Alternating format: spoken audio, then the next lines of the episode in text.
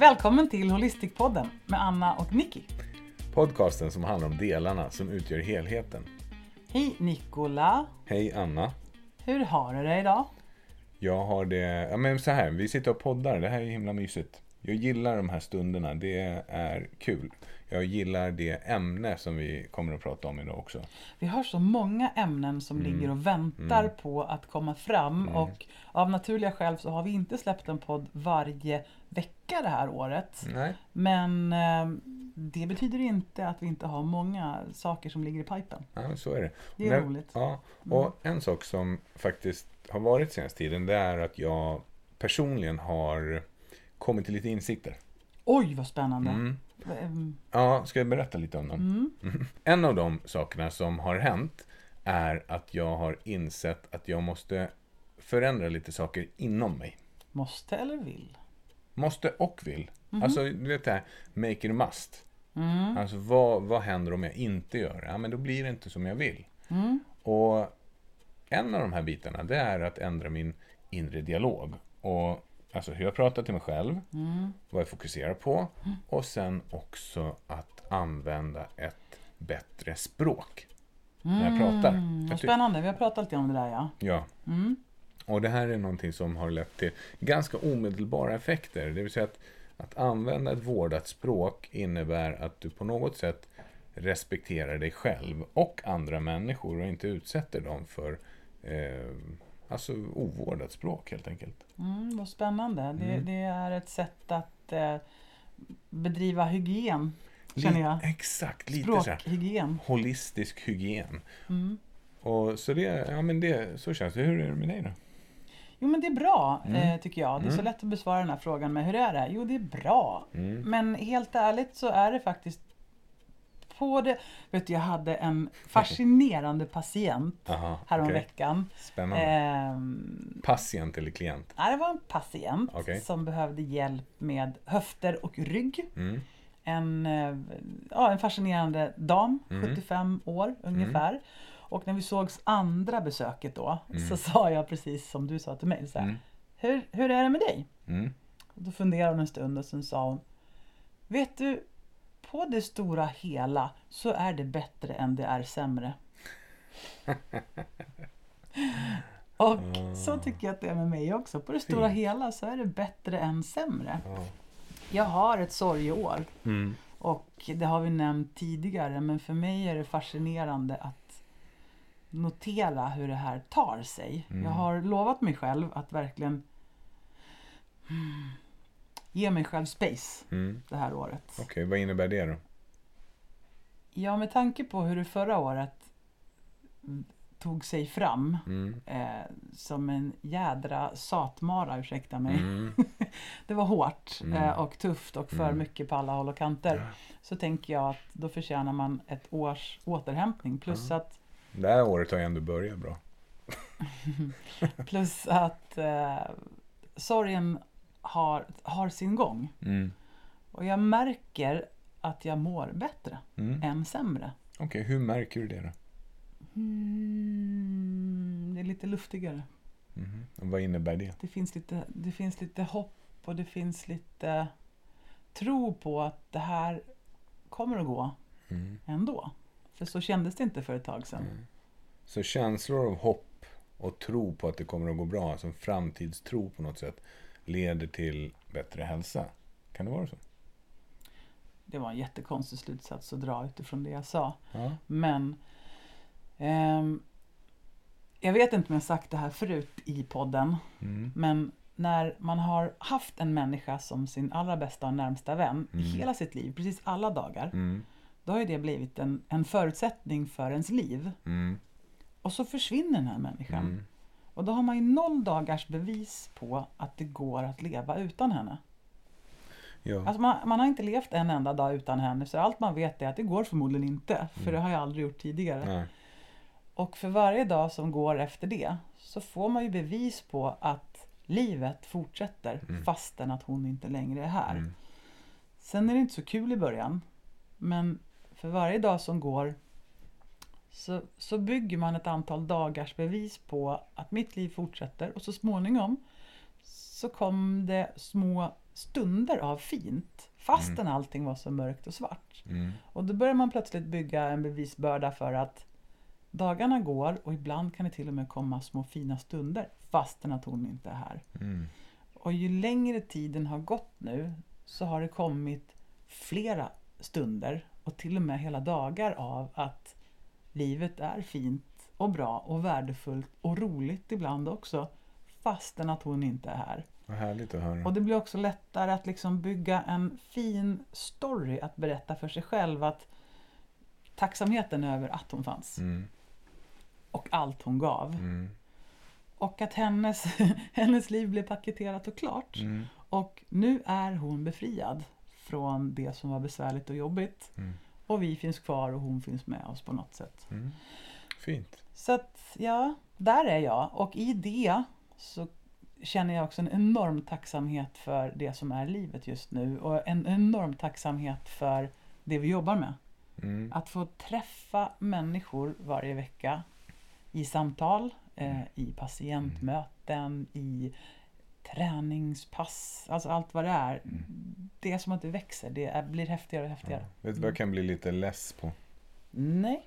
Det är att eh, det finns vissa ehm, vissa instanser inom vården som Mm. aktivt motarbetar det som vi naprapater sysslar med. Mm. Och det tycker jag är lite störande. Om, alla, om patienter skulle veta vad vi gör, om läkare till exempel skulle veta vad vi gör, Mm. då tror jag att det skulle vara mycket enklare att hjälpa flera människor om vi skulle samarbeta över gränserna, Mm. över blockgränserna istället för att försöka motarbeta varandra. Så skulle vi komma väldigt långt. Ja, jag vet vad du menar. Jag är Ja. helt övertygad om att det skulle finnas så oändligt mycket att spara Mm. på att få in naprapati i Ja. vårdkedjan. Därför att det finns, det har fattats eh, bra studier Mm. som bevisar vad naprapati gör och kan tillföra. Mm. Och det är för att vi inte haft tillgång till forskningsvärlden eftersom vi stått utanför högskolepoäng och Mm. eh, universitetsvärlden. Mm. Men nu har vi fått fram under ett antal år Mm. ett antal studier som var och en bevisar mycket bra Mm. vad naprapatin gör. Bland annat hade man gjort en studie där man hade erbjudit folk att prova naprapati. De här människorna stod i vårdkö och väntade på operation Mm. men man fick prova under tiden. Mm. Och om det slog väl ut så, så frågade man då patienten hur det har gått och hur det känns. Mm. Och minns du, var det uppåt en 60-70% av patienterna som inte valde att stå kvar i kön därför att de hade inte längre besvär. Ja, någonting sånt. Efter 24 månader Det är enorma summor att spara. Det är enorma lidanden att spara. Och, och ingreppsmässigt så är det ju så att vi naprapater, Mm. vi jobbar med någonting som i stort sett är fritt från biverkningar. Ja. Det är väldigt naturligt, det är hållbart för Mm. människa, det är hållbart för miljö. Mm. Det är besparande för Mm. vården, det är besparande för individen. Och det är ju bevisligen så att det funkar. Det har vi sett både i studier och i våra egna Ja. erfarenheter och studier. Så därför är det beklämmande ibland när man hör att Men- människor har varit på vårdcentral, träffat en läkare som säger Åh, ah, nej, du vet, det där ska du inte göra. För Ja. då tänker man så här, baserat på vad då? Och vi vet även här i Knivsta, en liten ort, där läkarna säger till patienter som vi kanske har skickat till dem. Mm. Och säger oh, går du till naprapat? Nej, det, det ska du inte göra. Och det, Det är himla tråkigt Ja, därför att det- standardlösningen, om du har ont i ryggen eller Mm. nacken och går till vårdcentral, då är det en stor risk att du får med dig en karta tabletter Mm. och ett råd om att vila i två veckor, ta de här tabletterna och går det inte över så får du berätt- komma tillbaks. Ja, och det berättar egentligen bara mer om deras okunskap om vad vi sysslar med. För att, eh, jag menar, tittar man på läkarutbildningen så har de en försvinnande liten eh, andel rygglära till exempel om ryggens eh, skador och mekanismer och om rörelseorganens skador och eh, åkommor. Medan det är vår specialinriktning Ja, under fyra års har- heltidsstudier. Ja, vi har fördjupad kunskap både i teori men även i praktik. Mm. Alltså vi är väldigt mycket hands-on. Men jag skulle säga så här, inte alla läkare Nej, och inte klart. alla vårdcentraler. Utan det, det, det är nästan som att det är två läger. Ja. Därför att det finns många läkare som tvärtom själva går till naprapat och gärna rekommenderar sina patienter. Vet vad jag tror? ja. Jag tror att det här ska du ta med en Ja, naprapat. Ja. Och det är roligt och jag tänker att det är den nya Ja. vågen som Det är så kommer nu. omodernt när man hör såna här kommentarer Ja, är Då blir man så förvånad nu för tiden. Oj, sa han verkligen så? Eller Men jag har gott hopp om den nya generationens läkare som både är, hoppas jag, blir insatta mer Mm. i funktionsmedicin, alltså kosten och näringens påverkan på människans Mm. hälsa Mm. eh, och träning och aktivitet såklart. Men Ja. sen också kan se ett större samarbete med andra vårdgrupper som faktiskt kan avlasta. Men vad kul det skulle vara om patienten hamnar i fokus, eller hur? Ja. Om allting skulle gå till så att man skulle hjälpa pa- varje patient och individ. Att du behöver ett team av naprapat, fysioterapeut och läkare och en sjuksyster som monitorerar allt det här. Mm. Så jobbar man liksom som team kring patienterna. Wow, då skulle vi Nu börjar det lukta bränt här. Mm. Mm. Det brinner i huvudet på dig, eller hur? Ja, nu Ja. brinner. För jag, det här är någonting, det jag brinner för det här. Så jag brinner för det här permanent. Ja. Så att Mm. idag Ja, ska vi göra en sån här rolig podd om en holistisk detox. ja. Och vad, vad, vad är det? Liksom en detox till att börja med. Det är ju ett sånt där ord som eh, man kan svänga sig med. Mm. Mm. Detox är ett ord som man har hört väldigt mycket, kanske nästan för mycket på, på sistone.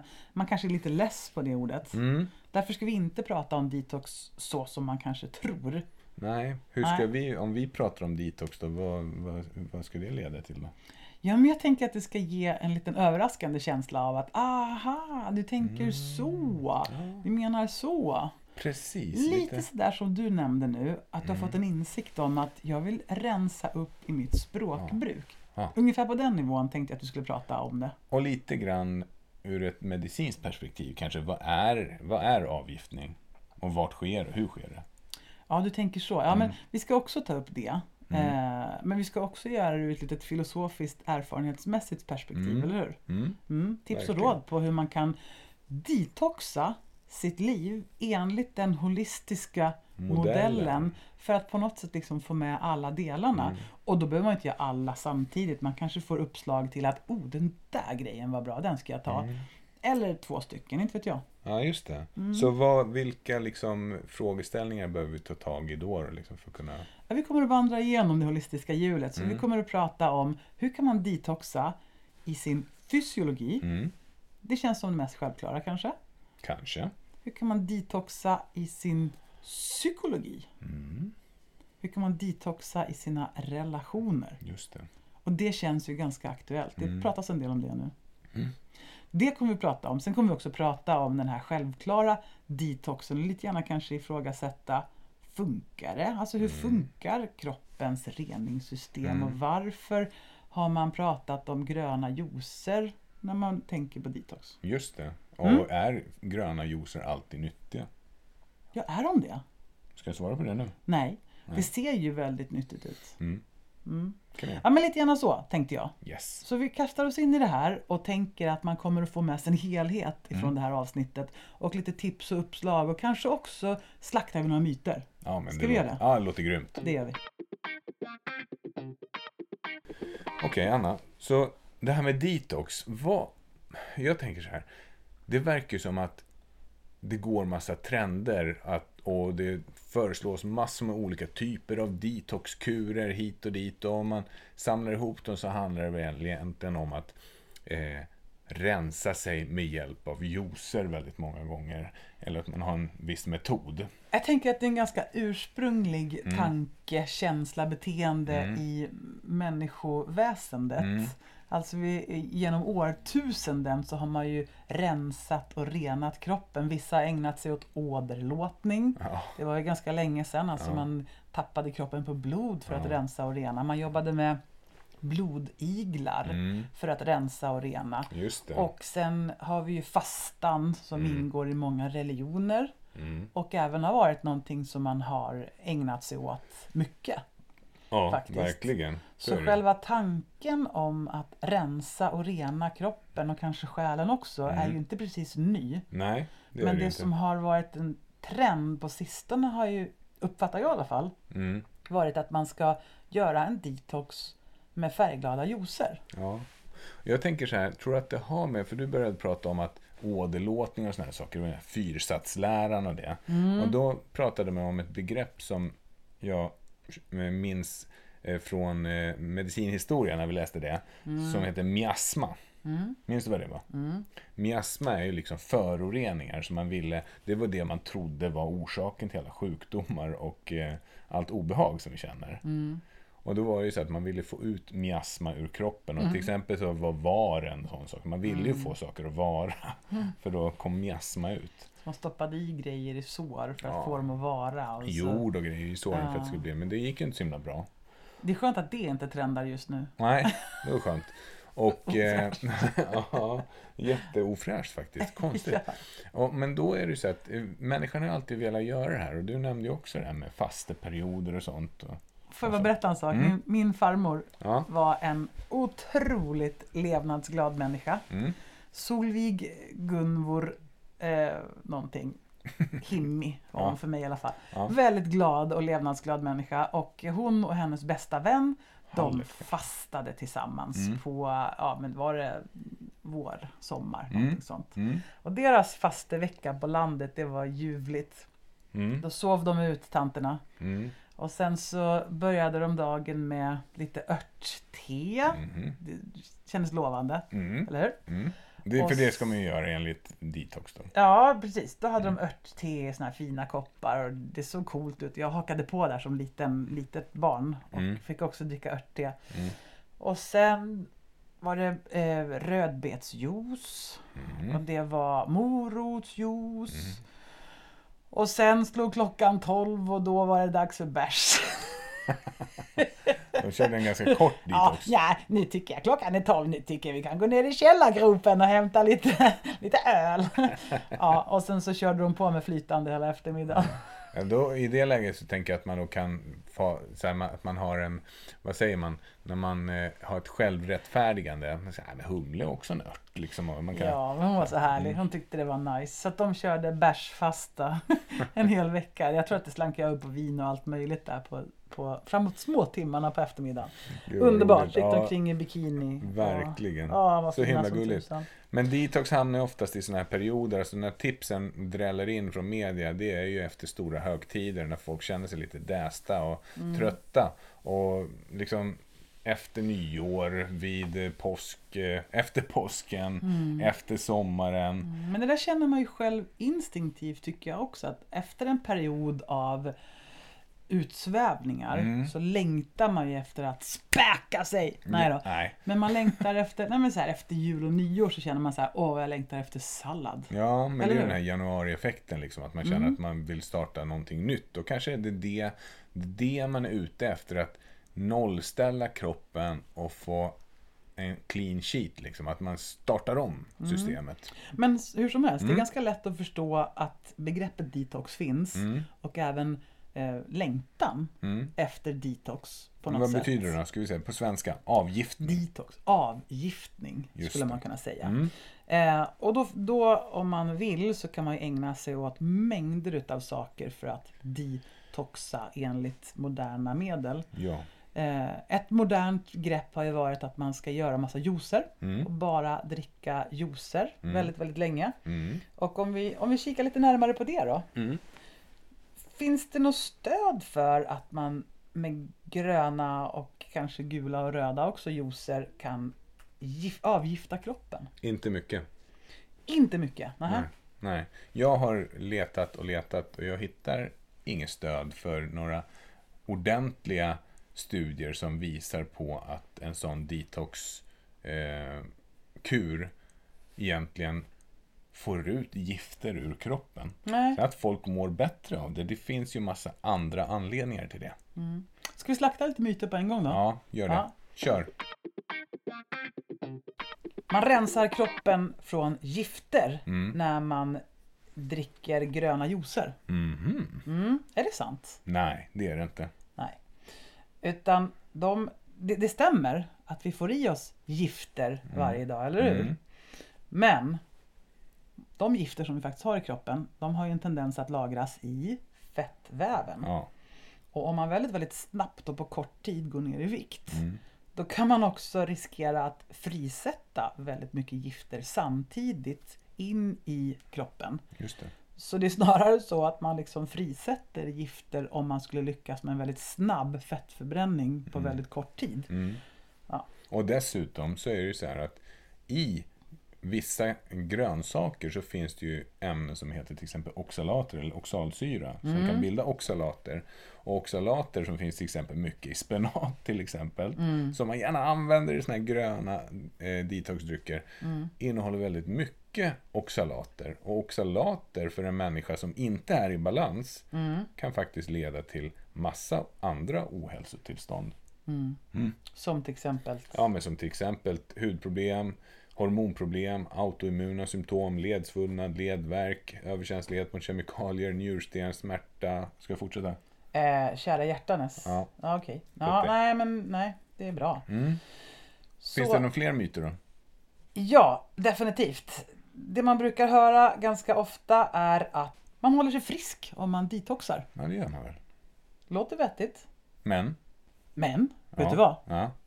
Det är, ingen, det är ingen förutsättning att man måste dricka gröna juicer för att hålla sig frisk. Nej. Utan är det så att du håller koll på dina basbehov och Mm. sköter dem på ett bra sätt, det vill säga sover bra, motionerar och rör på kroppen och ser till att äta en bra varierad kost i lagom mängd. Mm.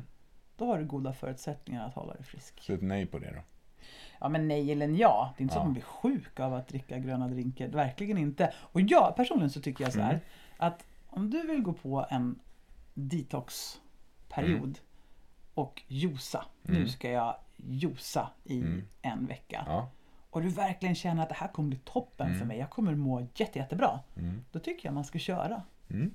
Därför att det är inte heller skadligt om du är en frisk och stark person som inte har några underliggande sjukdomar som man ska akta sig för. Ja, men precis. Ja, men Mm. det håller jag med om. Och det kan vara en liten härlig känsla att få Mm. göra det här. För att bryta programmeringen liksom. Mm, ja, men lite så. Mm. Du, blir man Mm. gladare då och får mer energi av att göra en till exempel juice-detox? Ja, faktiskt. Det är, alltså, vissa människor upplever att de mår bra av att detoxa. Troligtvis är det kopplat till att man inte är så nöjd med sin vanliga kosthållning. Så att man blir gladare liksom när man känner att man håller karaktären uppe, att man har bra karaktär och att man håller sig till de uppsatta ramarna och följer något. Det vill säga att man får lyckas. Mm, Mm. det är såklart. Mm. Så det skulle vara en sak som talar för då, att detoxa med juicer. Mm.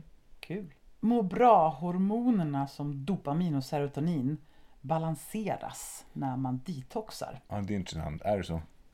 Nej, det finns inga vetenskapliga belägg för att det är på det sättet. Det finns ju många sätt att stimulera sin dopaminfrisättning och serotoninfrisättning. Ja. Men att dricka juicer är inte vederlagt att det är så. Nej, Nej. till och med så är det så att dopamin, det frisätts ju tillsammans med acetylkolin mycket mer om du äter till exempel mat som är baserad på kött och nötter. det, det, Precis. det ju... Mm. Eller shoppar, eller spelar, eller har sex, eller Ja, tränar, eller presterar, eller... Så Ja. ät kött, nötter och ha sex. Stick iväg och shoppa. Mm, då mår du bra. Mm. Detox är riskfritt. Där skulle man vilja svara ja, eller hur? Ja, men det är ju så här att det är förenat med en, en eh, extrem form av förändring i kosten. Och då blir det så att det blir väldigt ensidigt. Och, så, och för en vanlig frisk människa så kanske det inte är jättefarligt under en kortare tid som du nämnde tidigare. Men under en längre tid så kan det bli lite riskfyllt eftersom det blir så ensidigt. Grupper som definitivt ska avstå från detox det är gravida, njursjuka, diabetiker och de som lider av eller riskerar ätstörningar. Exempelvis ortorexi eller, äh, eller anorexia till exempel. Mm, det kan vara triggande då. Det kan vara triggande. Mm. Mm, okej. Man sover bättre om man detoxar. Nej, det gör man inte. Inte per automatik i alla fall. Men Mm. återigen, för den som äter hälsosamt och normalt och som detoxar i en period så kan man känna sig lättare i kropp och liksom system, kropp och själ och minska stress och oro som kan påverka sömnen positivt. Och, går man ner i vikt till exempel så är det ofta en bevis, bevisad effekt av att en viktnedgång blir ofta att man sover bättre till exempel. Om man har kraftig övervikt tidigare. Mm, Mm. okej. Mm. Tarmsjukdomar som laktosintolerans, glutenintolerans, IBS, Crohns och så vidare kan förbättras om man Det detoxar. här skulle bli intressant att höra, för att det här är ju oftast ett av de kraftigaste argumenten till att man gör en detox, upplever jag bland min- mina klienter. Mm. Mm, hur är det egentligen då? Egentligen så vill vi väl svara ja på Mm. det. Därför Mm. att det finns ju en poäng i att avlasta mag-tarmsystemet under en period. Mm. Och man har sett att det kan ge en, en god effekt på de här olika formerna av besvär. Mm. Ehm, men det är ju inte hela lösningen. Nej. Och det är ju inte så som att man gör en kur och sen så går man tillbaks till sin vanliga kost och så har man blivit bra. Så funkar det inte. Nej, just det. Sant. Mm. Sjukt intressant. Okej, men eh, minskar det stressen i kroppen då, om man detoxar? Alltså ja och nej skulle man vilja säga på det. Mm. Eh, om man tycker att det här med att försöka äta bra och försöka äta Mm. rätt och tillreda bra mat. Mm. Om man tycker att det är en stress. Mm. Då kan det vara lättare att använda sig av ett juiceprogram Ja, till exempel. Just det. Men sen vice versa. Om det är någon som tycker att det är ganska enkelt att äta som vanligt så kan det vara sjukt stressande att behöva handla in rätt saker Mm. och sen så ska man processa dem där och göra juicer och Ja, grejer. för dig att gå Så. på en sån här kur, Ja, det är, du, det är inte alltid avstressande. nej jag gillar inte, alltså så fort jag sätter upp Nu måste du göra så här. ramar och regler och måsten Mm. då, då kommer min tvärt tant fram Mm. och vill göra tvärt Då emot. Så blir det blir, stressigt. Då. ja, men det blir jättedåligt. Så Mm. för mig är det jätteviktigt att ha någon sorts frivillighetslucka i allt jag gör. Ska vi köra en myt till? Ja, Eller myt och myt. Eh, Cellerna repareras och förnyas. Är det verkligen så? ja det gör de, men det Ja. gör de ju hela tiden oavsett. Ja, och det är så kul. Det är samma sak som att säga, när sätter fettförbränningen igång? Ja, det gör ju när cellen möter, när spermien möter ägget och celldelning börjar ske. Ja. Så att eh, jag menar, vi förnyar våra celler hela tiden. Hela tiden, all the time. Man brukar ju säga att på några veckors tid så har du i stort sett till exempel ett sprillans ny uppsättning av tarmsystem. Mm. Därför att de cellerna byts ju hela, hela tiden. Mm. Och det gör ju alla våra celler i stort Ja. sett. Ja. Men du, en sista myt då. Mm, Ämnesomsättningen och förbränningen förbättras.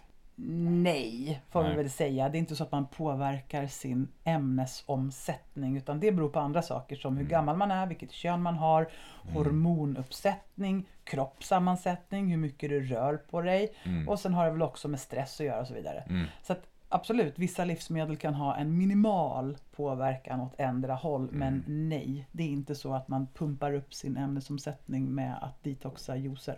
Okej, så då har vi liksom eh, pratat om några myter. Om då istället pratar om hur det fungerar i kroppen? Vet du, det här älskar jag. För Ja. jag, jag, sen jag utbildade mig inom anatomi och fysiologi så tycker Mm. jag att kroppen är så fascinerande. Mm. Och det är ju så här att våra fantastiska kroppar har ju liksom en lösning på det mesta som är mer briljant än vad vi lyckas tänka ut oftast. Och i våra kroppar Mm. så finns det inbyggda reningsverk. Mm. Flera stycken faktiskt. Ja. Och om man tittar på det så har vi då naturligtvis eh, tarmarna. Mm. Det är ju ett reningssystem. Mm. Och blodet är också en del utav vårt reningssystem. Mm. Även lymfsystemet som ju suger upp gifter och transporterar. Ja, eller i alla fall transportera runt det genom den rörelse vi utför. Mm. Mm. Ja precis, de har inga egna pumpar Nej. men de... Precis. Och sen har vi våran lever Mm. som är ett gigantiskt reningsverk. Fantastiskt. Som bland annat får ta hand om om vi stoppar i oss alkohol men också fett och andra gifter far ju till levern.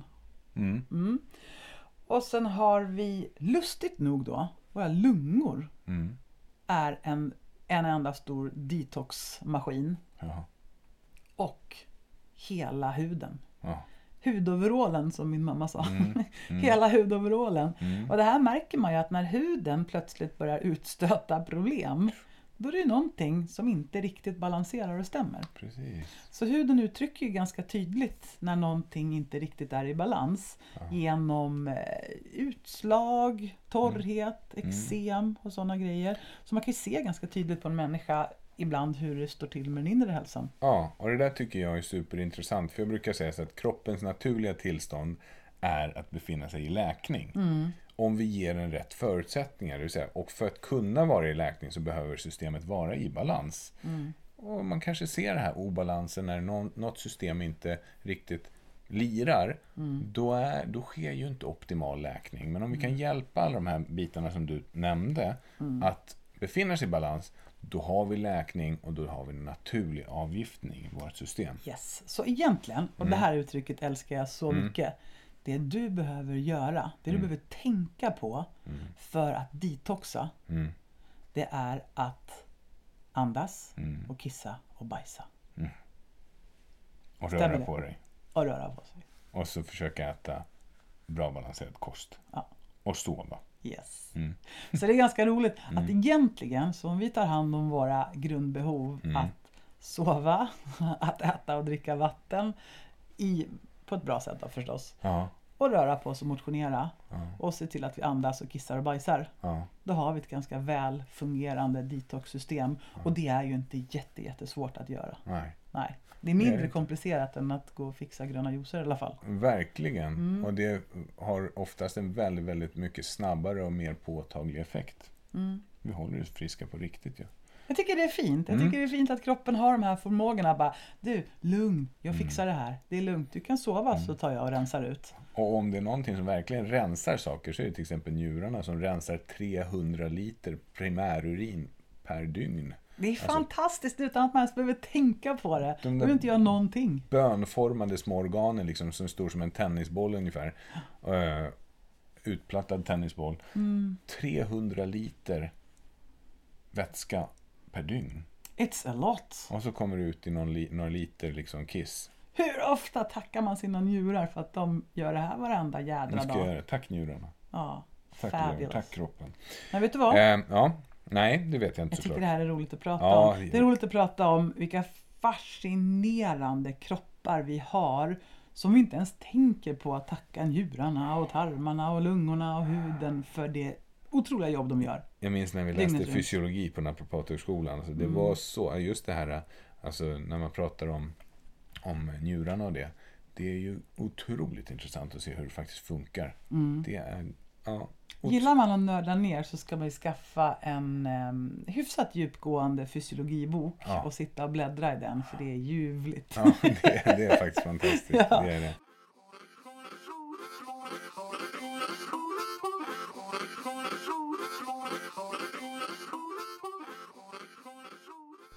Detox, funkar det? Detox är en förkortning av det engelska ordet detoxification, avgiftning.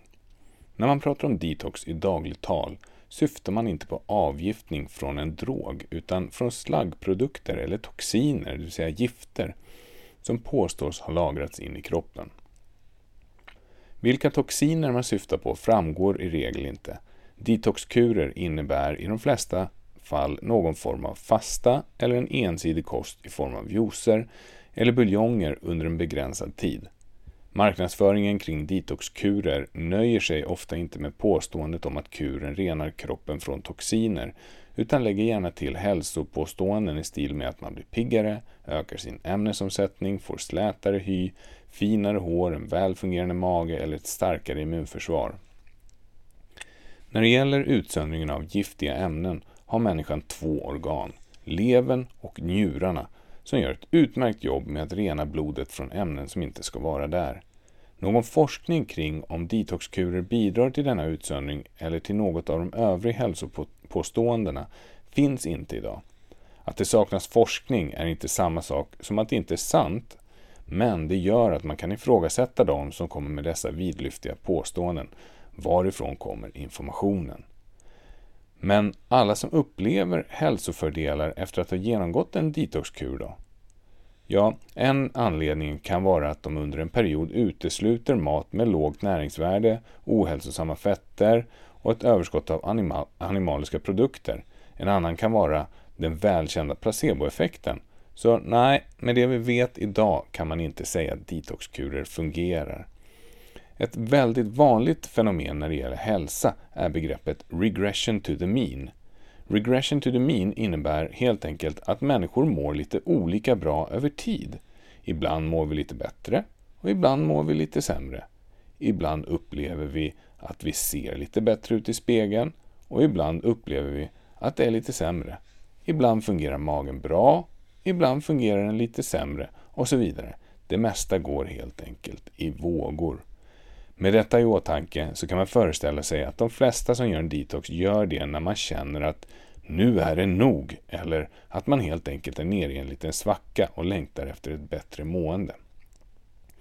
Ett annat exempel på detta är till exempel när vi tillskriver massa huskurer som vi precis använt oss av för att kurera en envis förkylning. En förkylning håller oftast i sig någon vecka och när vi då blir friskare så vill vi gärna tillskriva huskuren anledningen till detta.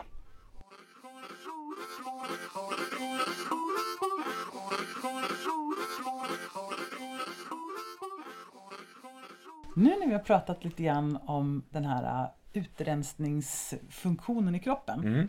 Så ska vi ta och filosofera lite grann kring holistisk detox. Ja, vad innebär det då? Till exempel så tänker jag, det är det första som slår mig så här. Om man tittar på vår holistiska modell så är det ju våra relationer, vår fysiologi och vår psykologi. Mm. Och jag brukar tänka att det man, man brukar höra om giftiga relationer. Har inte du hört talas om det, eh, vet du det ordet någon gång? Jo, men en definitivt. relation kan vara giftig. Mm. Ja. Och då tänker jag så att i alla de här tre tårtbitarna så finns det ju gifter. Om man skulle kunna använda sig av det uttrycket. Ja, just det. så Just att man vill avgifta varje tårtbit. Och Mm. hur man skulle gå tillväga då. Ja, för vi har ju vår modell Mm. som om du tänker dig en cirkel och Mm. så delar du in den i tre större fält. Mm. Då har vi ett fält som står för det fysiologiska Mm. ledarskapet. Och sen har vi ett fält som står för det psykologiska ledarskapet. Mm. Och sen har vi ett fält som står för det relationella kommunikativa ledarskapet. Det är våra tre grundpelare. Mm. Om vi skulle börja med det mest grundläggande då. Det, Så det- enkla. Så det vi tänker nu är att vi ska bjucka våra lyssnare på en holistisk detoxplan. Ja! Ja. Eller uppkast till idéer på, för jag menar, alla kanske inte nappar på allt, men någon kanske nappar på något. Så att om vi börjar Och med att bara plöja de igenom, smarta nappar på allt. Ja. så om vi börjar med att plöja igenom det mest grundläggande, fysiologin, Mm. där vi ju i vår modell har då sömn, vila, återhämtning, Mm.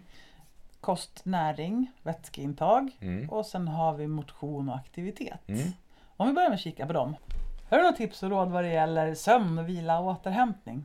När det kommer till att detoxa sömnen liksom. Om man säger så.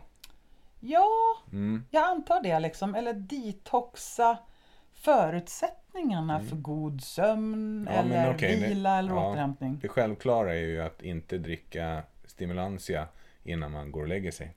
Det vill säga koffein och alkohol egentligen. Okej, för vad gör det med återhämtningen då? Ja, men hos de allra flesta, inte hos alla, men hos de allra flesta så är det så att det stör våran sömn. Mm. Alltså det stör förmågan att kunna sova. Man brukar säga att kaffe ska du helst då inte dricka. Eh, jag tror att man brukar säga att det är efter klockan tre. Ja, Så, om du är en dagmänniska. Och sen alkohol är ju så här att vi blir ju kanske sömniga av alkohol men vi hamnar inte så djupt ner i sömnen när vi dricker alkohol. Så Har du känt av det här någon gång? Eh, Är du ja, känslig på koffein och eh, alkohol? båda faktiskt. Mm. Mm, jag sover inte så bra när jag dricker för mycket koffein. Och jag vaknar ofta när jag har druckit alkohol. Alltså, Alltså och plus att jag, då? ja, jag monitorerar ju min sömn sedan flera år tillbaka med mina devices. Ja. Och jag får ju påtagligt sämre återhämtningsvärden när jag dricker alkohol. Alltså vad spännande. Hur många procent kan det röra sig om i sömnkvalitet då? Ibland är det 10%, 10-15 procent. Alltså det är Sämre sömnkvalitet. Verkligen. Mm. Och det är framförallt djupsömnen Mm. som liksom blir drabbad. Och djupsömnen är ju det som ska, är vår fysiologiska reparationsfas. Ja. Så det, det är ingen bra grej. Sådär. Och, Grejen är sömn, att man har ju sett att sömn är ju ett mirakelmedel. Och vi Mm. pratar om att konditionsträning är eh, det mest potenta Mm. medicinen vi någonsin kan ta. Men sömnen slår ju Mm. till och med det. har du något tips då? På, på sömn och så? Ja. Ja, men för det första tänkte jag bara säga att jag känner också av i vissa fall, om man har druckit, så, så känner jag absolut av att man Framförallt några sover glas för mycket, eller hur? sämre. Och nej, det beror på vilken dag det är. Vissa dagar så kan det liksom vara så att det inte märks av. Men vanligtvis så märker man ju av att man sover sämre. Eller kan vakna upp mitt i natten eller så. Mm. Och helt ärligt är det en jättestressad period. Mm. När man liksom gränsar till ångest. Som Ja. jag har gjort det sista året Ja. en del. Så då är det ju förödande. Mm. Därför att då kan man ju vakna och ha ångestpåslag mitt i natten. Så att för folk som är ångestbenägna eller så här panikattackbenägna Ja. så är det ju verkligen inte bra. När alkoholen går ur kroppen då triggas ju det här systemet Mm. så det kan bli kaos. Det är inte kul. Eh, däremot kaffe kan jag dricka nästan dygnet runt utan Mm. att jag Det märker av faktiskt. någonting. Mitt tips och råd Mm. för eh, lite så detox i sömnsystemet. Mm. Det är någonting som jag läste för länge, länge sedan och det är att hålla sovrummet ämnat för sömn. Alltså att inte använda sovrummet som ett ställe där man också kanske har sitt kontor Mm. eller sin eh, dator eller där man gör en massa andra prylar. Utan finns det möjligt, möjlighet att använda sovrummet just precis till sömn, Mm. då blir det också en väldigt skön linkning till att ah, i det här rummet är det lugn, avkoppling och ro och harmoni och så vidare. Bergs därför det heter sovrum. Så att om man har möjlighet att Mm. sova i sitt sovrum och dessutom kanske ha det inrätt på så sätt att det känns, ja men vad man nu behöver känna. Jag gillar, jag gillar ljust och svalt Mm. och ostört. Så det tror jag bäddar för en bättre sömn och vila. Snyggt. Mm. Sen då? Sen kommer vi till kanske det mest självklara när man pratar om detox och det är ju näringsintag. Mhm. Har du någonting att tycka till om det? Kungen av näringsintag. Eh, ja, faktiskt en hel del. Framförallt så är det så här, för att få en, någon form av bra effekt i vårt system, så, och det man har tittat på i de studier som är gjorda på detox, så har man sett att de allra flesta verkar må bra för att man utesluter framförallt två saker ur sin kost när man detoxar. Vilken metod det än må vara. Mm. Och det ena är raffinerat socker och det andra är skräpmat. Mm. Så när du utesluter skräpmat och socker så kommer du automatiskt må bättre. Och de allra då finns det många som säger, men jag äter inte så mycket skräpmat. Men man kanske inte tänker på vad skräpmat är för någonting. Och då när man följer en så här superstrikt plan, då blir man garanterad att man inte får i sig det.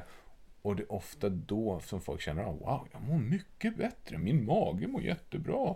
Och jag sover bättre, jag har gått ner några kilo i vikt till och med. Sådär. Mm. Så men det gör, prova, prova att göra en detox genom att eh, utesluta socker och skräpmat ur din kost i en månad och se hur du mår. Jag tycker det här är så himla härligt därför att om man vill göra det enkelt för sig. Mm. För många blir ju sådär lite allt eller inget. Ja. Antingen så gör jag ingenting eller så Mm. ska jag gå 100% åt det här hållet och Mm. då ska jag göra LCHF eller isodieten eller vad det nu kan vara. Men in fact så kan man ju ibland ställa sig frågan vad är det minsta jag kan göra Mm. som faktiskt inte känns som en gigantisk påfrestning. Och det är ju precis som du säger, Mm. prova att utesluta socker och skräpmat och alla de här konstgjorda tillsatserna Mm. som finns i mat. Ska jag nämna en liten småprovocerande sak också som man skulle kunna göra? Det tror jag att du gillar. Jaha. Då är det så här, alkohol, ska man utesluta det fullständigt då? Fråga mig det då. Hörru, alkohol, Mm. är det någonting som man ska försöka utesluta fullständigt ur sin eh, närings... Hörru du, Dag. I wish I could say yes. Men studier visar Mm. att när du, folk som utesluter alkohol helt eller högkonsumenter av alkohol har en lägre life expectancy, alltså överlevnad, än någon som dricker lite alkohol då och då. Oj, Fråga mig varför. varför är det så? Ja, jag ska förklara det också. Det är så här att det verkar som om levern blir förberedd på Förödmjuka tror jag du skulle säga. Jag är förberedd på att det kommer lite gifter lite då och då. Så att den, har, den är triggad i sitt enzymsystem. För det är enzymerna som bryter ner de här sakerna. Då. Mm. Och då finns de här enzymerna liksom lätt tillgängliga. Så otroligt roligt.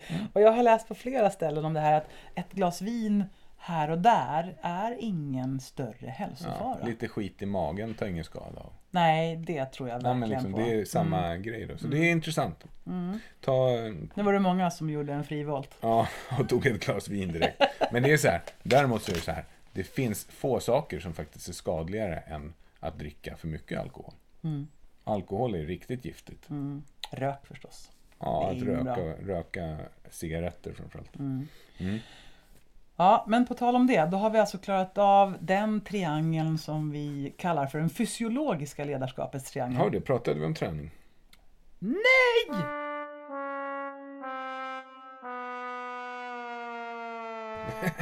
Precis. Hur Det är- kunde, vi, hur kunde vi på något sätt glömma det? Ja. Vi hoppade lite grann. Ja. Vi har pratat om sömnvila, återhämtning, Ja. vi har pratat om näring, men jädrar, vi har inte pratat om det roligaste av allt. Ja. Okej, Så när vi tränar, Anna, yes. så är det så här, om vi motionerar, man brukar säga att man behöver två och en halv timmes eh, konditionsträning för att detoxa sig själv från till exempel stress. Det är ju intressant. Vadå, per tillfälle? Nej, i veckan. Ja, tack. Mm. Så, och det här kommer komma i framtida avsnitt när vi kommer prata om hur man kan hantera saker med hjälp av till exempel optimal träningsdos och sånt. Jag säger det nu. Ja. Vi har ett avsnitt i pipen som heter Optimal träningsdos Ja. och det är så spännande och lite nytt. Oh yeah. Mm. Så i alla fall, så konditionsträning, det som händer när vi tränar är att vi andas väldigt bra Mm. och frekvent, vi syresätter kroppen. Men vi får också igång lymfsystemet. För Mm. lymfsystemet reagerar på andningen och på vårt muskelarbete. För lymfan har ju ingen egen pump. Och då, Nej, lymfkärlen ligger ju i hela kroppen men har ingen egen pump. Så de är Mm. Nej. beroende på att vi rör på kroppens Mm. muskler men också att vi andas djupt i magen så att Exakt. det knådas runt och Mm. skickas omkring. Det är spännande. mm, så det är en av de viktigaste faktorerna för att kunna avgifta kroppen. Då, då. Mm, att röra på sig. Röra För på sig. ligger man still då blir det väldigt långsamt i lymfsystemet. Mm. Right? Ja, och det är ju så här att eh, sjuka patienter som ligger stilla blir ännu sjukare. Mm. Så man måste röra på patienterna dagligen. Böja lite grann på lederna och benen och försöka vända på dem och sådär. För annars så blir det pölar av vätska som Mm. inte kommer bort och det blir, blir inget bra. Miasma. Mias Mm. ja, miasma, mer miasma. Ja, okej. Ja, Det tycker jag sammanfattar fysiologin. Har du någonting att tillägga? mm, jag har att tillägga. Mm. Du skulle ha frågat mig. Mm. Har du några detox-tips på Anna? vad det gäller kost... Nej, motion och träning? Anna, har du några detox-tips när det kommer till motion och träning? Yes, I Ja. do. Och det här är vad jag tycker. Hit me. Ja, jag tycker att man kan detoxa Mm. sin träning och aktivitetstårtbit genom att faktiskt se över och rensa ut dåliga ursäkter. Och dålig planering. Om du misslyckas med att planera, då planerar du för att misslyckas. Sen är det lätt att sitta och säga jag har inte tid. Men de allra flesta har tid med två och en halv timme per vecka. Jag trodde du skulle säga att du kan rensa ur din träningsgarderob. Eh, nej, Nej. det kan jag inte ens stå Nej. för just nu. Nej. Jag älskar att spara på saker. Mm. Så att nej, men däremot rensa bort dåliga ursäkter och dålig planering. Mm. Och rensa också bort dåliga träningspass. Alltså det finns ju många människor som tränar till exempel för hårt och för mycket. Och därmed sabbar lite grann för sig själva. Och så finns det många människor som tränar för löst och för sällan. Och det blir inte heller bra. Det finns många människor som tränar idiotiska saker och drar på sig skador och förslitningar helt i onödan. Ja. Så att helt ärligt, nog finns det mycket att detoxa i träningsdjungeln. Mm. Och när man tittar på men vad är det faktiskt som ger effekt i träning? Mm. Då skulle man kunna dra ner det här till ganska lite tid Mm. Och ganska enkla grundläggande saker Mm. och få hela sitt tränings och aktivitetsbehov tillgodosett utan så mycket tjafs. Just det. Så då, för att återigen parafrasera till kommande avsnitt om optimal träningsdos, Yes. så är det någonting som vi verkligen kommer att dig into. Då. Ja, jag känner att jag går igång på det här ämnet så himla Mm. mycket så det ska vi prata om sen. Ja. Yes. Då har Ja. vi klarat av fysiologiavsnittet och nu kastar vi oss in i den psykoemotionella beteendemässiga triangeln och hur man kan detoxa sig själv där. Har Förlåt, du några tankar? Vad heter det, sa du? Psykoemotionella... Va? Ja, absolut. Läspar jag eller? Nej, nej. Nej. Långt komplicerat ord. Ja, Mm. men det betyder helt enkelt tankar, känslor, beteenden. Just det, vårt psykologiska immunförsvar. Mm.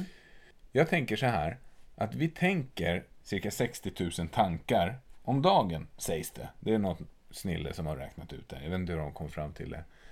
Men det är just det där att det är du som väljer dina tankar. Är du nöjd med kvaliteten på de tankar du går och tänker dagligen? Nej, men om du inte är det, då är det faktiskt så här att du kan tänka de tankar som du vill tänka. Är det verkligen så? Kan man välja tankar? Ja, vem annars väljer tankar Just Ja, det. ja, Var kom den tanken ifrån? ja. Vem var det som stoppade in den här tanken i mitt huvud? Nej, men det är du. Och när man tappar in i det där, att du kan faktiskt välja. Vill jag tänka de här dåliga, jobbiga tankarna nu? Eller skulle jag kunna tänka på ett annat sätt? Och så här är det ju faktiskt att jag brukar jämföra att ha ett, en väldigt dålig, eller om man säger så här då, en kvalitet Mm. på sin dagliga tankeprocess Mm. Som får en att må riktigt dåligt. Mm. Jag hörde ett program med eh, Åsa Nilssonne var det, Mm. som var med. Jag vet vad du ska berätta. Och hon sa så himla fint att det går faktiskt att få en människa att må hur dåligt som helst. Till exempel om man ber en person att gå ut en dag och så säger man så här.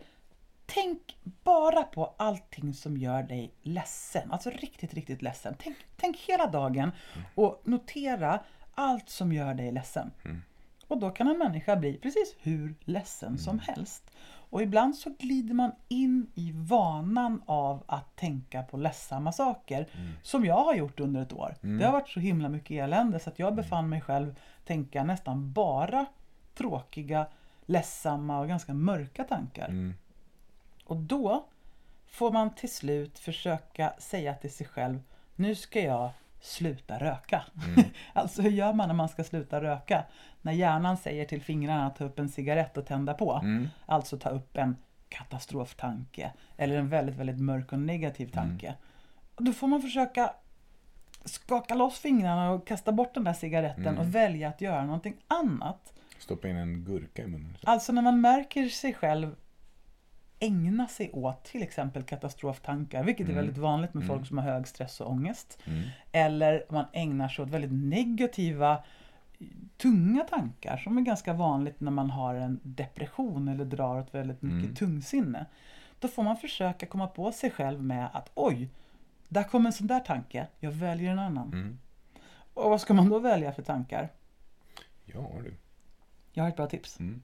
Vi har pratat lite grann om röd zon, blå zon och grön zon. Ja, Och i den gröna zonen där vi laddar våra batterier, Mm. där ryms sådana saker som är prestationsfria, härliga, roliga, mysiga, trevliga. Och att flytta sina tankar så fort man kan in i grön zon, Mm. det kan vara en bra sak att ägna sig åt som verkligen ger bra effekt. Hur då? När man märker att man har jobbiga, tunga, besvärliga tankar som omedelbart leder till ganska jobbiga och tunga och besvärliga känslor Mm. och man vill ha en förändring. Mm. Då kan man försöka notera tanken och sen välja en annan. Mm. Jag brukar beskriva det som att man ibland behöver brotta ner den där tanken som trycker sig på Mm. och välja en annan. Och ju oftare man tränar på det här desto lättare går det. Ganska Mm. snabbt faktiskt. Jag brukar berätta för mina klienter om konceptet med noting. Vet du vad det är? Berätta. Noting inom meditationen, det är att du bara noterar din tanke. Eller noterar en känsla. Mm. Och det gör att så fort du har gjort det med en negativ tanke, nu har noterat en negativ tanke, du bara exposar den. Det här var neg- du, du är en negativ tanke. Då kommer den bara, "Va? Va? Va? Vi- eh, Ja, förlåt. Ja. Och så försvinner den. Då minskar den liksom i laddning. Mhm. Det är som att man drar ner byxorna på negativa tanken. Så springer de bort. Bara, "Oh, det Oj, vilken jobbigt." rolig bild. Precis. Så det är noting, att liksom notera. Ja. För då, då, det är bara i, det är liksom när det inte syns, när det inte läggs märke till, det är då det får en chans att växa. Mörk, Wow. Mörkret. Mm. Mm. Okej. Och vi har ju konstaterat många gånger tidigare att en, en tanke leder ganska blixtsnabbt till Mm. en känsla. Så Mm. fort att man ibland inte hinner notera vad det var man tänkte Mm. eller upplevde. Men man får en känsla Yes. i kroppen. Så hur kan man detoxa i känslolivet då? Jag gillar ju begreppet tillstånd. Mm. Att eh, befin- försätta sig i olika tillstånd. Det vill säga, på engelska kallar man det för state. Mm. Och ett state kan leda till en positiv eller negativ känsla. Mm. Och vilket tillstånd du vill hamna i, det ligger fullständigt inom din kontrollzon. Mm. Och det är så här, det du kan göra då är att du kan flöda kroppen med positiva känslor. Till exempel genom att göra sånt som du mår bra av. Lyssna på riktigt bra musik. Gör en favoritlåtlista. Eller kolla på en film som du redan vet att du mår bra av. Mm. Det skulle kunna vara till exempel en sån sak. Ehm, det ger positiva känslor. Mm. Mm. Jag har en bra grej där. Jag brukar använda mig av, alltså på morgonen Mm. när man går upp, Mm. då vill man ju gärna mata in bra känslor och då är ju till exempel speciella låtlistor Mm. funkar jättebra. Mm. Eh, men sen också använder jag riktigt fina duschkrämer Mm. som luktar jättegott. Just Och det. var en, det funkar varje gång. Det är så här, Sinnesbaserat liksom. "Åh", ja visst, och det får Mm. inte vara vilka som helst utan just nu är jag inne på Björkenberries. Mm.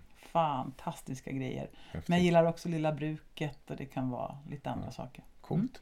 Det funkar bra. Ja. Ge en bra känsla. En annan känsla som är detoxifierande för nästan alla andra negativa känslor, vet du vilken man har kommit fram till då? Men det måste ju vara kärlek, eller? Tacksamhet. Ah, just det. Att fokusera på saker som du kan känna tacksamhet inför. Mm. Det får oftast hela vårt system att bli alldeles varmt och gosigt. Och Även stolthet är ganska bra va? Stolthet, att eh, fokusera på vad kan jag vara stolt över i mitt liv? Mm. Vad gör mig stolt? Vad Mm. känner jag mig stolt över? Det får känslan av skam att faktiskt försvinna. Mm. Du kan inte om skämmas pratar när du är om stolt. saker som man vill detoxa, då är det väl just känslor av skam och skuld. Ja, För de har väldigt sällan, de leder väldigt sällan till någonting bra. nej, Utan om man härbärgerar sådana Mm. känslor, då brukar det elda på nedåtgående spiraler. mm, Men det som eh, motverkar, ett Ja. motgift, det är känslor av stolthet och tacksamhet. exakt. Okej, Så Så, det- om man ägnar sig mer åt det och mindre åt att älta Mm. skam och skuld så... Och, om- ja, men då, då mår bra. man ju väldigt bra. Så istället, man behöver inte ens kalla det för meditation eller att meditera. Man kan ju bara sitta ner och andas i magen och fokusera på, på tacksamhet och stolthet. Mm. Mm. Fint. Mm. Du, vår tredje, tredje tårtbit i den psykologiska ledarskapstriangeln handlar ju om beteende. Mhm. Mm. Om vi pratar om att detoxa Mm.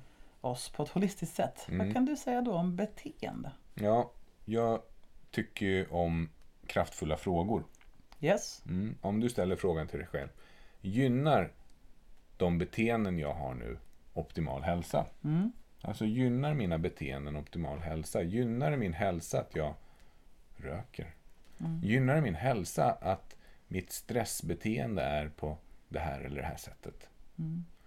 Eh, om du skulle ha en beteendegenerator, om du låtsas att du har en beteendegenerator, du har en knapp som du kan trycka på för att få ett nytt beteende. Vilket nya beteende skulle du då välja som du skulle må bra av? Vilket beteende skulle du vilja lägga till?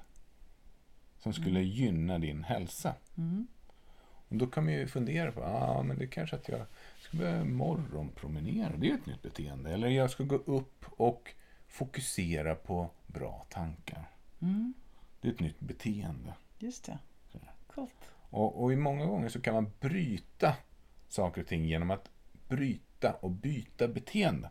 Mm. Det vill säga istället för, äh, små saker. Jag går upp, eh, istället för att gå upp vid sidan av sängen så går jag upp på kortänden av sängen. Mm. Det gör att vår hjärna undrar, "Oj, vad är det som händer? Mm. Och istället för att sitta i min vanliga stol när jag dricker min morgonkaffe och grubblar över livets svårigheter så Mm. kanske jag står upp vid, eh, mm, inte vet jag, på, vid balkongen och tittar Mhm. ut över eh, samhället och fokuserar på någonting annat. Mm. Alltså att bryta beteenden. Mm. Det här är så spännande att för att göra en förändring Mm. så kan man egentligen hoppa in var som helst. Du Mm. kan välja om en tanke, Mm. du kan skapa en känsla genom dina sinnen men du kan också gå direkt på beteendet. Att. Sitter du alltid i den där stolen och dricker ditt kaffe och tänker på eländiga saker, gör något annat. Mm. Det är så otroligt kul. Jag har en berättelse på tal om beteende. Ja, kul. Under en period när vi faktiskt läste på Naprapathögskolan Mm. så befann jag mig i, mitt inne i Stockholms absolut mesta rusningstrafik varje Mm. dag under fyra års tid. Mm. Då menar jag Stora T-centralen Mm. eh, och tunnelbanan hit och dit och fram och tillbaks. Mm. Och det, det är ju otroligt mycket folk där. Hela tiden. Yes, hela tiden. Och det är folk som går åt alla håll och hit och dit. Och jag hade nästan alltid bråttom. Därför Mm. att samtidigt som vi pluggade så hade jag också träningspass och personliga tränarklienter på tre eller fyra olika ställen i Stockholm. Och det här Mm. skedde ibland Mm. på lunchen. Alltså det var jätte, jätte bråttom. Hur som helst. Då la jag ganska snabbt märke till att på tunnelbanan, Mm. där är det mängder av folk och vissa dagar så hade jag en stark utstrålning på något vis. Mm. Och människor såg mig och flyttade på sig när jag hade bråttom. Mm. Andra dagar hade jag en svag utstrålning och det var som att jag kom inte fram. För människor gick i vägen och såg en inte och bumpade in i en och det var så här otroligt irriterande. Så jag började experimentera med mitt beteende. Alltså min fysiologiska kommunikation. Mm. Vad är det jag skickar ut egentligen? Ehm, hur håller jag min kropp? Mm. Har jag en stolt hållning? Har jag en stadig blick? Mm. Och har jag en stolt bröstkorg? Mm. Ja, då tar jag mer plats och syns mera. Mm. Om jag hänger ihop med kroppen, har ganska låg muskelspänning, hänger axlarna och kanske tittar neråt, ja, då, då har jag en ganska svag utstrålning. Mm. Vet du vad som är det bästa sättet att komma snabbt fram i tunnelbanan? Jag, titta upp i taket. Ja. Eller, ja, var det Precis. Ja. Om du, om du ser ut som att du inte har någon som helst aning om vad du håller på med och tittar rakt upp i taket. Då kommer man snabbt fram. Det var som att en Mm. gata liksom blev öppen sådär. Men det var också spännande därför att när jag sen då kom fram till dit jag skulle vara instruktör. Mm. Då var jag ju tvungen att omedelbart möblera om i min fysiologi. ja, För jag kan ju inte gå in dit och hänga med axlarna och titta upp i taket Nej. samtidigt. Utan när man då går in i en ledarroll, då är Mm. det jätteviktigt att kommunicera i samma ögonblick som jag går in i salen. Mm. Så är jag ju ledaren av passet. Och det innebär att jag behöver sträcka på kroppen, hålla min kropp med energi, Mm. lyfta mitt bröst, ha en stadig blick, se folk i ögonen och verkligen liksom kommunicera med min fysiologi. Och det här tycker jag är spännande för det är någonting man kanske inte alltid tänker på. Nej. Att hur kommunicerar jag ordlöst idag? Mm. Vart är min blick? Ser jag folk i ögonen? Mm. Lyfter jag på bröstet? Håller jag min kropp med energi eller är jag som en påse hösäck? Mm. Det tycker jag är en spännande grej att fundera kring. Sen vad man vill detoxa och inte, det beror ju på vart man är då, i tunnelbanan eller i Mm. ett ledarsammanhang. Ja, Mm. okej. Yes my friend, vi går Ja. vidare. Ja. Vi stänger dörren om det psykologiska ledarskapet och detoxen därav och kliver in i relationer och kommunikation. Just det. Oj vad spännande. Mm. Vår- Vi delar upp det här i jaget, viet och niet. Ja, Mm. Jaget är ju relationen till dig själv och viet till dina nära och kära, de relationer som betyder allra mest för dig. mm, Och niet, det är ju människor överlag och kanske din attityd till mänskligheten lite grann mm. Och om vi då pratar om den relation Mm. som man har till sig själv. Mm. Den pågår ju i stort sett dygnet runt hela tiden. Just det. I ständig relation till mig själv. Mm. Om jag vill detoxa och må bättre i min relation till mig själv. Mm. Vad skulle jag kunna göra då? Mitt första tips, det är väl egentligen att rensa i din inre dialog. Ja, Alltså vi kommunicerar ju inte bara med andra människor, vi kommunicerar med oss själva. mm. Och om du pratar med dig själv som med någon som du verkligen, verkligen ogillar och disrespekterar. Mm. Då blir det ju inte så himla härligt i den relationen. Nej, Men, helt klart inte. Men det var ju det du var inne på här i inledningen. Mm. Att du har fått en insikt om att du behöver rensa i ditt ordförråd. Använda ett bättre språkbruk. Och att det här på något sätt då skulle vara som en, en liten detox gentemot Mm. dig själv. precis, mitt, även mitt språkbruk i min inre dialog. Mm. Det är ju det, att inte liksom hålla på svära inne i huvudet och använda negativ, eh, negativt eh, laddade ord och fraser. Mm. Utan se till att boosta mig själv. Och jag brukar ge tips till mina klienter. Det är att ställa frågan. Om du vore ett barn. Skulle det kännas bra att bli tilltalad på det sätt som du tilltalar dig själv då? Då, blir, då säger de flesta faktiskt tyvärr att nej, skulle du inte göra. Jag skulle aldrig prata så till, till mitt barn. Ja. Nej, men varför pratar du så med dig själv då? Den där är ju så lustig därför att alla vet ju. Mm. Alla vet. Det är bara det att man på något sätt är slarvig just med sig själv. Alla vet precis Mm. Slarvig vad man... är ett bra uttryck. Mm. Mm. På tal om icke-dömande Mm. så har jag ett jättebra exempel på en jättejobbig, dömande och negativ dialog. Mm. Och det är till exempel någon som säger Åh, jag är dum och tjock och gammal. Så kan man säga till sig själv kanske, Mm. om man är lite slarvig. Mm. Ett annat sätt att uttrycka sig skulle kunna vara Jag är 42 år gammal Mm. och jag har storlek 42 och jag kunde inte svaret på den här frågan.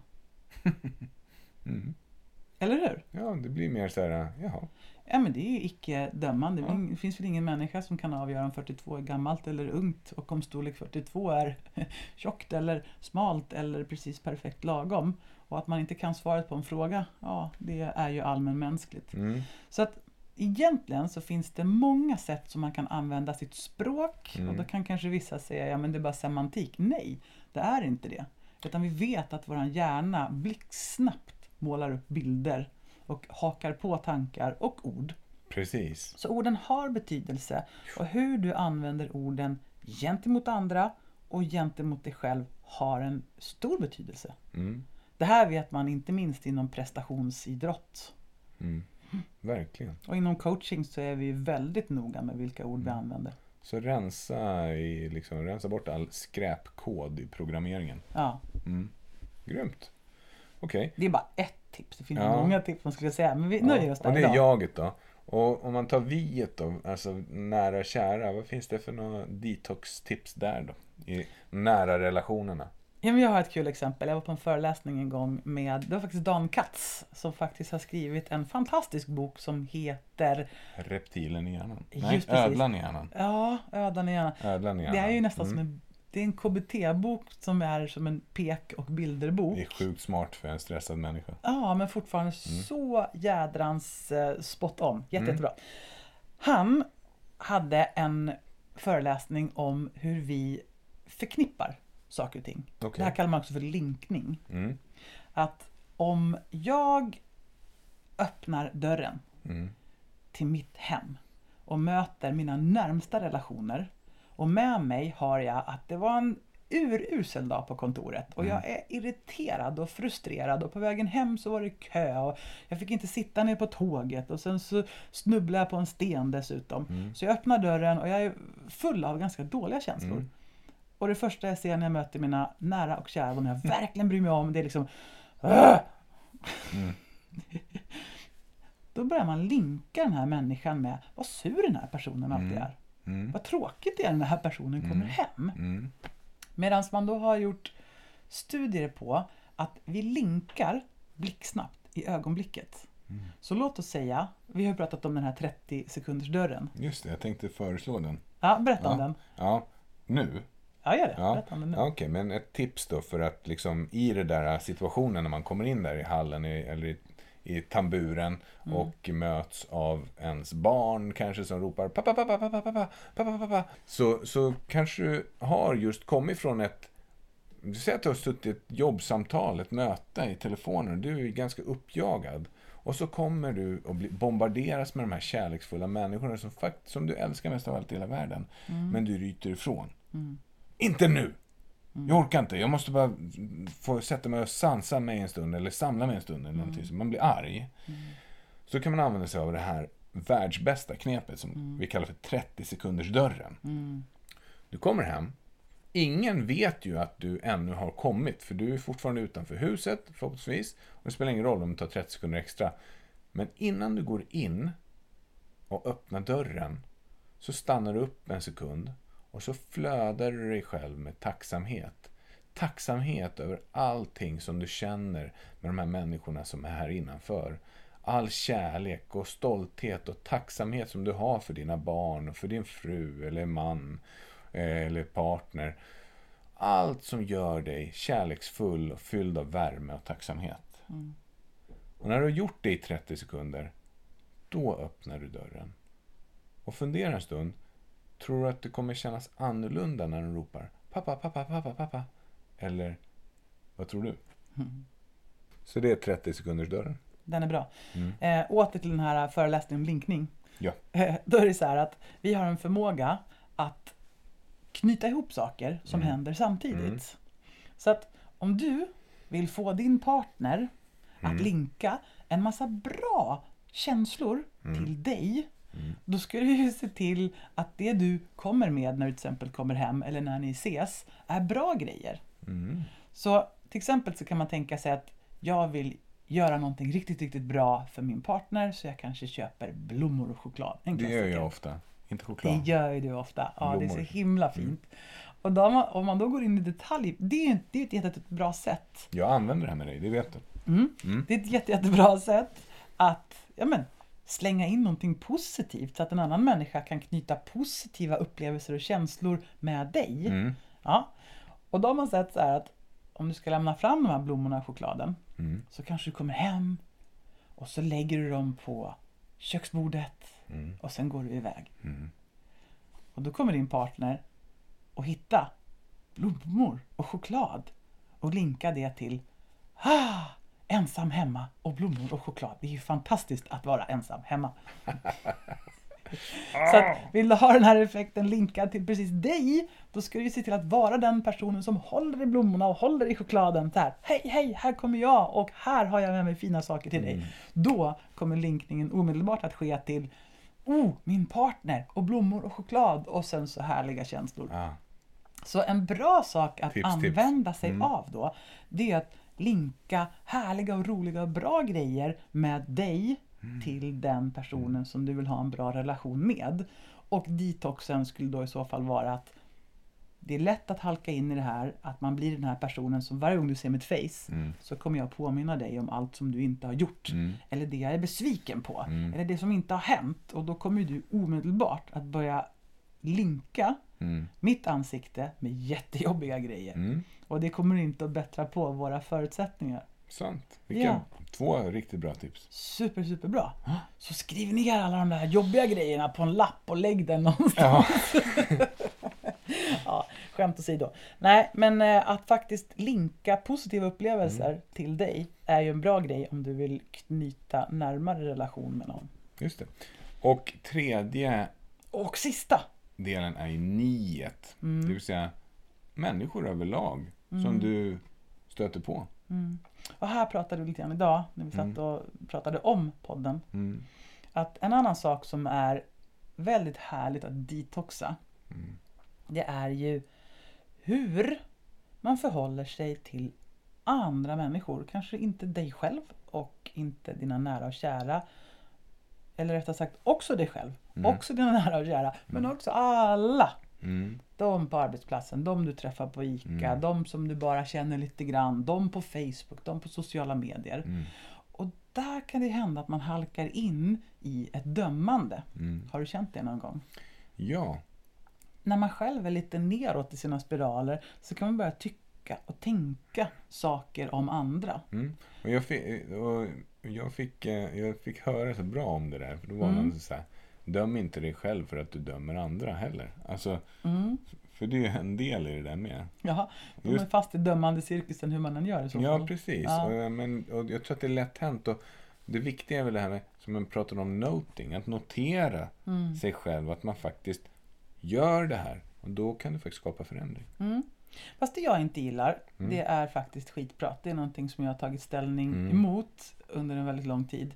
Jag tycker inte att det är sportsligt. Jag, jag vill hellre ha en face-to-face dialog Mm. med människan i fråga än att prata om en person när den faktiskt inte är där. Mm. Det är ett ställningstagande som jag har gjort och jag tycker det känns fräscht. Jag uppskattar inte heller att bli pratad om, Nej. framförallt inte på dåliga sätt när man inte själv är där. Mm. Shit happens. Men det vi talade om, det är det här med att notera Mm. hur man förhåller sig mot andra människor, hur man Mm. pratar om andra människor. Mm. Det finns en hårfin linje mellan att prata om andra och att dras över till skvaller Mm. och att sen dras över till rent skitprat. Och det sägs ju att skitprat är någonting som man behöver i ökande grad ju lägre självkänslan är.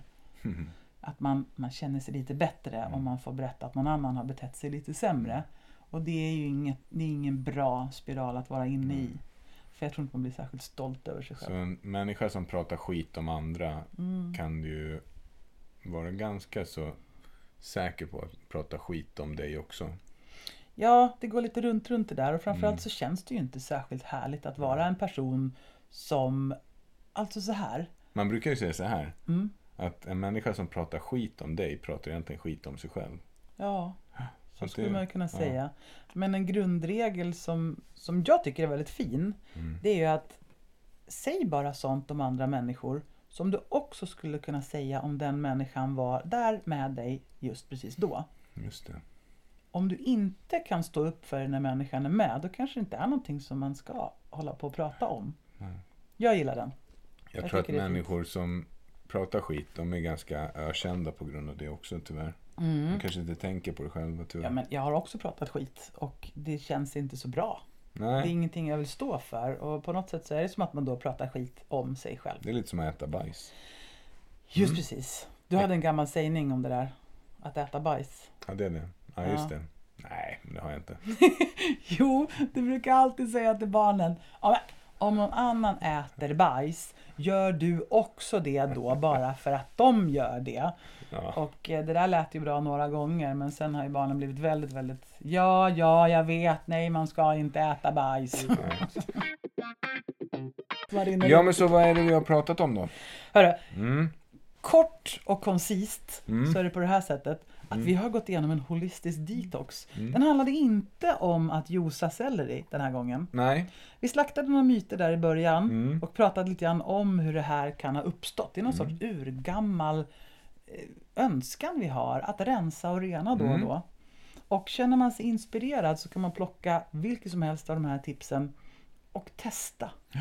Testa. Kanske hittar man ett som kändes extra intressant. Mm. Eller två. Mm. Och Och, sen, eh, för din del då? Du var inne lite grann på det här med, med, med språk och ord va? ja, precis. Den, den är, tycker jag, alltså den är viktig för mig. Och jag känner, att, jag känner att det redan är skillnad i att man noterar. Jag märkte också att jag påverkade dig. Mhm.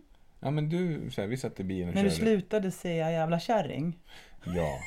Nej, men eh, jag märkte att du la, la av en svordom i bilen när vi Mm. åkte.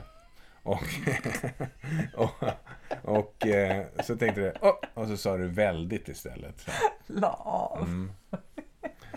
Åh, vad roligt. ja, men Ja. ja. du, jag influerade dig lite grann känner jag i att jag gjorde det här. Åh, jag gillar att svära ibland, men Mm. jag håller med dig. Så jag Mm. hakar på dig och jag tycker att det är ett vettigt spår att gå in på. Mm. Att rensa lite grann i röran. När vi jobbar med företag, ledningsgrupper till exempel, framförallt, Yes. då har ju vi en eh, strategi som du och jag jobbar med. Mm. Eh, Och det är ju att vi vill rensa bort eh, slaggprodukterna. Det vill säga till exempel så är det språkbruk. Att man ska ju show up och dress up som en ledare. Mm. Det vill säga du ska prata som en ledare. Och om du pratar om andra människor, dina anställda som skitstövlar eller åsnor eller grisar eller någonting sånt. Då behöver man sluta med det. Ja. Man behöver använda en dialog i ledningen som man kan stå för, som är liksom stöttande och stärkande. Och samma sak med dig själv. Ledningsgruppen inom dig själv, inte minst. Och också komma bort från den här uh, vi och dem-kulturen. Ja, och precis. mera liksom börja prata om oss som en team. Ja, Där alla är värdefulla. verkligen. Ja, nej men du. Det Ja. är vad vi har gjort idag. Mm. Och jag tänker ju lite grann så här då Mm. att det här var en, en spännande take. Ja, verkligen. som vi ville prata om. Mm. Och bara för att checka av lite grann då. Mm. Vad är det stora övergripande målet som vi alltid har som någon sorts ledstjärna för oss? Det är ju att man ska få känna hopp och framtidstro. Att det ska ge en bra känsla. Mm. Att det ska finnas en känsla av att det går faktiskt att göra någonting åt saken. Mm. Man ska inte behöva känna sig hopplös och maktlös inför livet. Nej, och vi pratar ju också om att skapa mer energi och engagemang och en känsla av flow och sammanhang Mm. i livet. Och det är effekten av det holistiska ledarskapet. Yes, så tänker vi. Mm. Och det här är ju, i, det är en färskvara kan man säga. Det är liksom ett ständigt pågående filande och Mm. slipande. Det är väl det som är Mm. så fint med livet, att man är aldrig riktigt klar. Det är ett ständigt växande och de insikter jag hade när jag var Mm. 20, de ser inte likadana ut som de insikterna jag har nu. Det fördjupas hela tiden. Jag ser våran holistiska modell, det här hjulet med tårtbitarna, som en pulserande liksom, modell. Mm. Och jag skulle vilja om någon duktig anima- animatör skulle kunna göra den åt mig som pulserar. Man ser dem bara boom, boom, boom, boom. De Ja, förflyttas hela tiden. Det är Mm. dynamiskt. Mm. Mm. Fint. Mm. Mm. Så att, hur, hur väl hänger det här ihop med det övergripande målet då, tycker du? Nej, men det hänger ju ihop på så sätt att jobbar vi med de här delarna Mm. så kommer vi att få mer energi. Vi kommer känna mer hopp. Det finns utrymme för liksom mer glädje. Mm. Och det är väl jättefint. Bra känslor leder till bra saker. Mm. Till en bra värld. Mm. Mm. Så om man vill testa en detox Mm. som inte är en eh, juice-detox, Mm. vad, kan, vad skulle man kunna göra då? Vad kan man haka på? Vad tycker du? Då tycker jag man ska spola tillbaka den här podden och så lyssnar man igen på varje del Ja, och funderar över vad kan jag göra inom varje tårtbit? ja. eller sugen på? ja, eller Ja. ännu enklare, titta på vilken tårtbit är i störst behov av detox just nu. Vet du, det tycker jag var bra sagt. Mm. Det tycker jag var väldigt, väldigt bra sagt. Vilken tårtbit har jag lägst tryck i, lägst liksom energi i? Mm. Och är det relationen till en själv, då är det där man ska sätta in sina insatser. Mm. Det var väldigt bra. Ska vi sammanfatta det här på bloggen också lite grann? Ja, jag tycker det. Det Vi får du det. göra. Ja, okej, Ja. tack. Det, då sammanfattar vi det här på bloggen så att vill man liksom ha den snabba summeringen av vad vi har sagt för någonting. Var hittar kan man bara den då? Kika där. Den finns på formholistic.com. Som är vår hemsida. Jajamän. Mm. Och Mm. sen så är det så att ni får ju hemskt gärna följa oss på formholistic på Instagram. Mm. Och även på LinkedIn som ju är en kanal som blir viktigare och viktigare faktiskt. Så följ oss gärna på Form Holistic Leadership på LinkedIn. Och på Facebook på Form Holistic såklart. Och så mejla oss gärna. Uh, mejla, kommunicera med oss. Skicka saker och funderingar och sånt. Ni kan gärna skicka ämnen som ni vill att vi ska ta upp och prata om också. Eller? Mm. Jätteroligt att, det, att sånt kommer också. Mm. Och sen vill jag bara säga att det är så himla roligt att det är så många som hör av sig och vill boka coaching och KBT via länk. Det är Mm. en rikedom att få träffa er, även er som inte bor här i närheten då. Vi får ju in samtal från både när och fjärran. Ja, verkligen. Det är Jätte, superhäftigt. jätteroligt, så fortsätt med det också. Tider Mm. finns Mm. och det är jätteroligt att träffa er. Och vill ni att vi ska hålla en dragning för er eller just din ledningsgrupp eller din arbetsgrupp och sådär kring det holistiska ledarskapet så är det bara att hojta till. Vi kommer på stört eller löser det på något annat corona-vettigt vis. Mm. Mm. Så är det. Ja, men vad kul! Mm. Jag tycker det känns fräscht. Yeah. Det känns fräscht och inspirerande Mm. att detoxa i livet. Mm. Och eh, jag hakar på dig. Jag hakar på dig med språkbruket och innehållet i mm, meningarna. Crisp and clean. Ja, men jag tycker det känns peppande. Vi får Mm. checka in om några veckor och se hur det har gått och vad det har lett fram till. Verkligen. Mm. Men då så. Tack Live- för idag då. Live well and transpire. Så säger vi. Hej då!